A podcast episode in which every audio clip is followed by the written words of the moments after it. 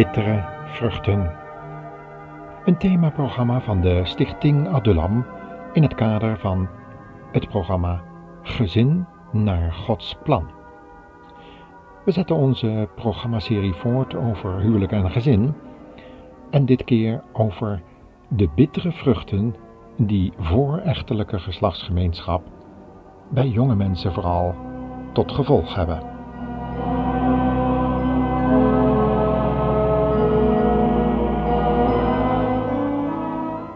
Dit is een uitzending van de Stichting Adulam voor ambulante hulpverlening op de Antillen. Aan het einde van dit kwartiertje nadenken over huwelijk en gezin kunt u reageren naar de Stichting Adulam, postbus 3504 in Curaçao of u kunt ook de Goed Nieuwslijn bellen 68 9590. Een goed luisterkwartiertje.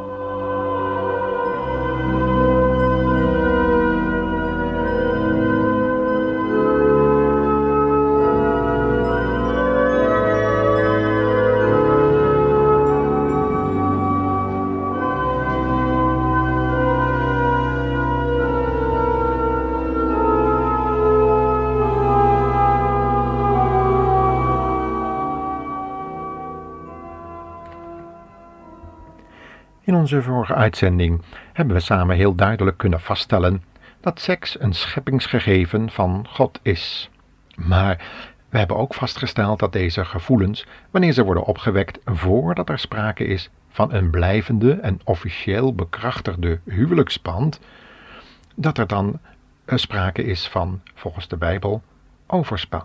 Ongetwijfeld kunnen we deze gevoelens schatten onder de ongeoorloofde gemeenschap tussen jongens en meisjes, mannen en vrouwen, wanneer ze buiten het huwelijk plaatsvinden. De gevolgen kennen we en het brengt grote gevaren voor de hele gemeenschap met zich mee. Elke arts en socioloog waarschuwt ervoor. Wanneer de overheid meent hiertegen te moeten waarschuwen, is het verstandig om niet alleen het uiterlijke aspect te bespreken, maar ook de morele zeilen te belichten en bij de relatie zelf te beginnen om de normen aan te geven die God zelf in zijn woord gegeven heeft. En bovenal ook in het geweten van elk mens.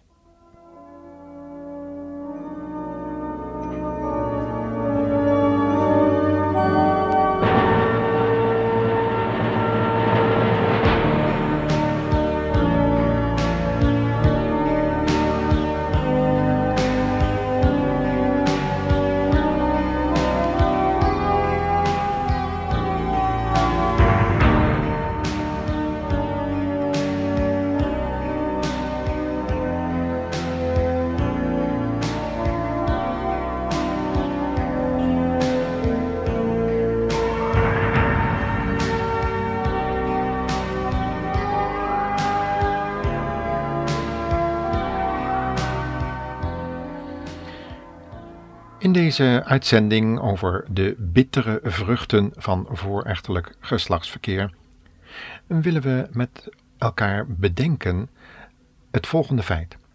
Als je je op dit gebied vrijheden veroorlooft, zul je daardoor later veel minder vreugden in het huwelijk kunnen ervaren. Het mooie van een huwelijk is namelijk voor een belangrijk deel dat het nieuw en ongerept terrein is waarvan twee mensen alleen samen kunnen en mogen genieten.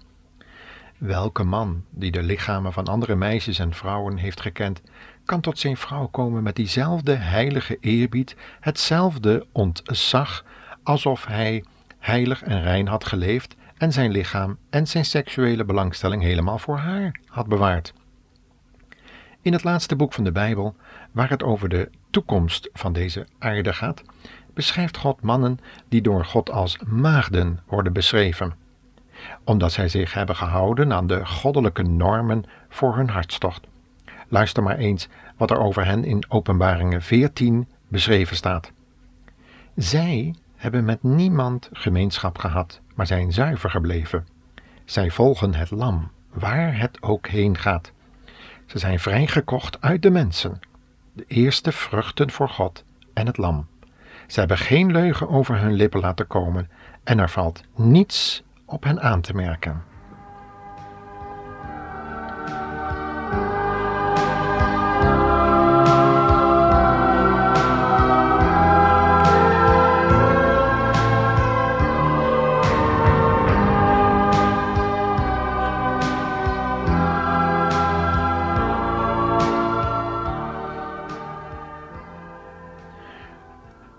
God bedoelt in deze passage uit het boek Openbaringen niet te zeggen dat trouwen en seks verkeerd zou zijn, maar dat deze mensen de Heer Jezus gevolgd hebben en het ervoor over hadden door andere mensen uitgelachen te worden, omdat ze zich aan hoogstaande morele maatstaven durfden te houden, maatstaven die God hen geschonken had en waaraan zij zich door genade en een bewuste wilsdaad hadden weten te houden.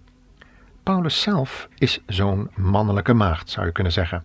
Toch is hij niet tegen het huwelijk en het ervaren van seksuele gevoelens. Luister maar eens wat hij schrijft aan de Corinthiërs in hoofdstuk 7 vanaf vers 2 en op andere plaatsen. Maar om ontucht te voorkomen, is het beter dat iedereen trouwt. Elke man moet zijn eigen vrouw hebben en elke vrouw haar eigen man. De man moet zijn vrouw geven wat haar toekomt en de vrouw moet aan haar man geven wat hem toekomt. De man heeft net zoveel zeggenschap over het lichaam van zijn vrouw als hij zelf, en de vrouw heeft net zoveel over het lichaam van haar man te zeggen als hij. Ontneem elkaar het recht dus op uw lichaam niet, behalve als u samen afspreekt tijdelijk geen gemeenschap te hebben, omdat u de tijd wilt gebruiken om te bidden. Maar daarna moet u weer gewoon gemeenschap met elkaar hebben. Anders zou Satan u, door uw gebrek aan zelfbeheersing, in verleiding kunnen brengen. En dat is nu juist iets wat we in aansluiting op die woorden van de apostel Paulus tegenwoordig zo zien. Gebrek aan zelfbeheersing, wat zo vaak leidt tot het zoeken naar liefde, geborgenheid en rust. Daar willen we u iets over laten horen. Er is namelijk een lied op gecomponeerd. Luistert u maar.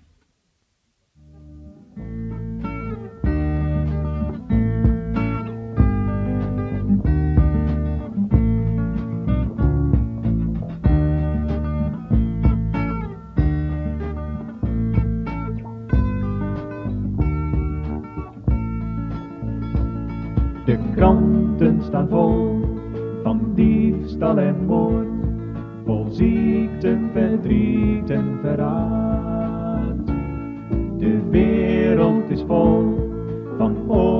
En haat, SOS wordt er dagelijks gehoord. SOS wordt er dagelijks gehoord. De mens zoekt naar rust naar liefde en geluk, naar blijdschap en vrede op aard. Hij wil zich bevrijden van angsten en haat, toch weten de meesten geen raad. Toch weten de meesten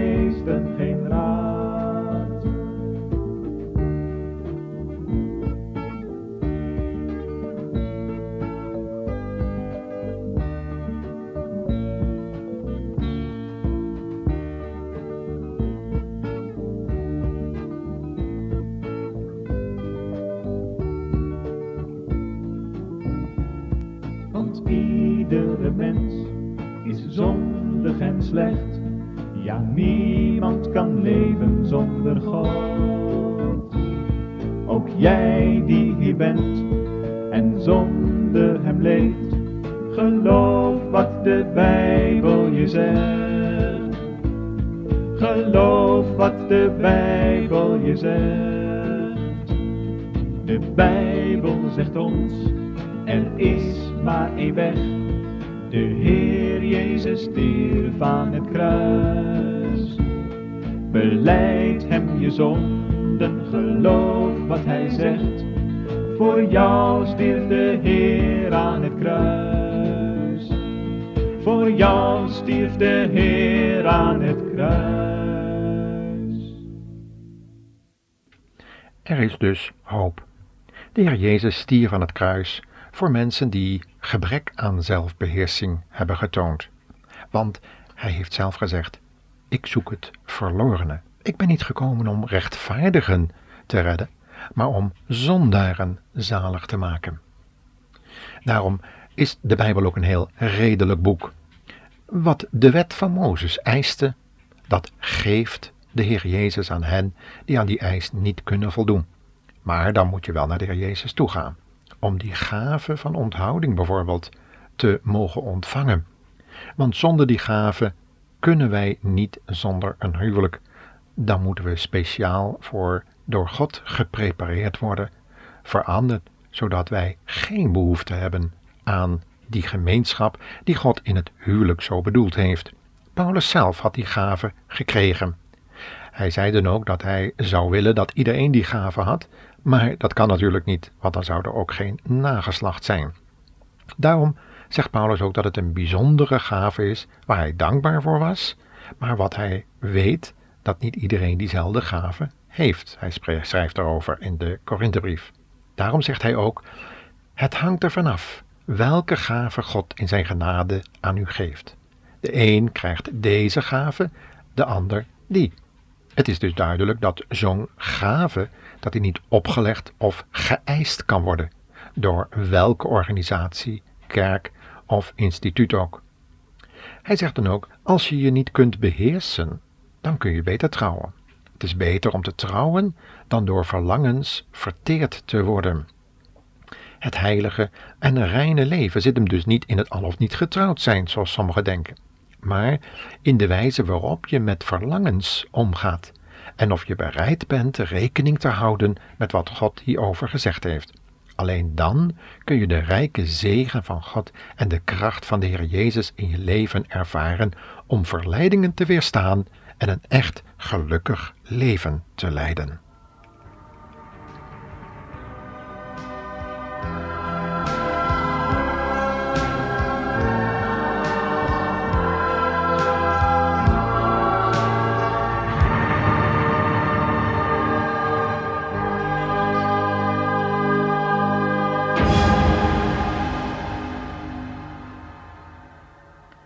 Bittere vruchten komen pas als je vooruitgrijpt op zaken die in zichzelf goed zijn, omdat je eenvoudig geen rekening wilt houden met Gods tijd en regel. Dit werd de val van Adam immers en Eva, waar we nu allemaal al zo lang mee te maken hebben. De gevolgen van deze daad, van weerspannigheid zou je kunnen zeggen, kunnen pas weggenomen worden wanneer wij mensen beginnen te gehoorzamen en rekening gaan houden met Gods liefdevolle en nuttige geboden en hierdoor deel krijgen aan de herstellingsplannen van God in het creëren van een nieuwe hemel en een nieuwe aarde waarop de zonde uitgebannen zal zijn. Zonder twijfel is het zo dat intiem lichamelijk contact voor het huwelijk het huwelijk zelf op een wankel fundament zet. Zonder twijfel zijn veel echtparen gescheiden omdat er geen vreugde en geen echte heilige eenheid van hart en ziel in het huwelijk was. De eerste ervaringen in het huwelijksleven moeten man en vrouw voor altijd samenbinden in een wederkerige liefde, eerbied, geduld, vreugde en respect. Ze moeten steeds meer voelen dat ieder van hen voor de ander gemaakt is en voor niemand anders. En dat ieder een plaats heeft in het hart, het leven en de ervaring van de ander. Als een huwelijk niet bepaalde exclusieve rechten en plichten zou kennen, zoals God het bedoeld heeft, waarom zouden mannen en vrouwen die zich dan nog gebonden voelen door een huwelijksband? En een van de oorzaken van deze ongebonden gevoelens kan zijn nauw lichamelijk contact met anderen voordat er sprake is van een officieel huwelijk.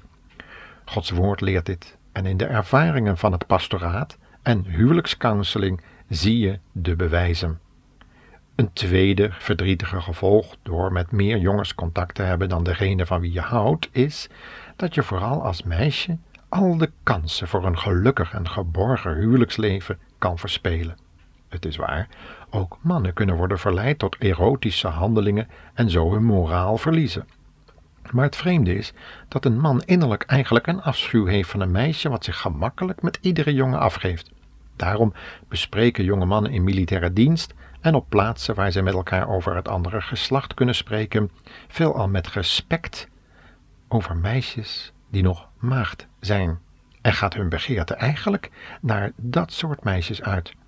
En maken zij onderling denigrerende opmerkingen over meisjes die zich door hen zo gemakkelijk lieten verleiden, en lachen ze over hun naïviteit.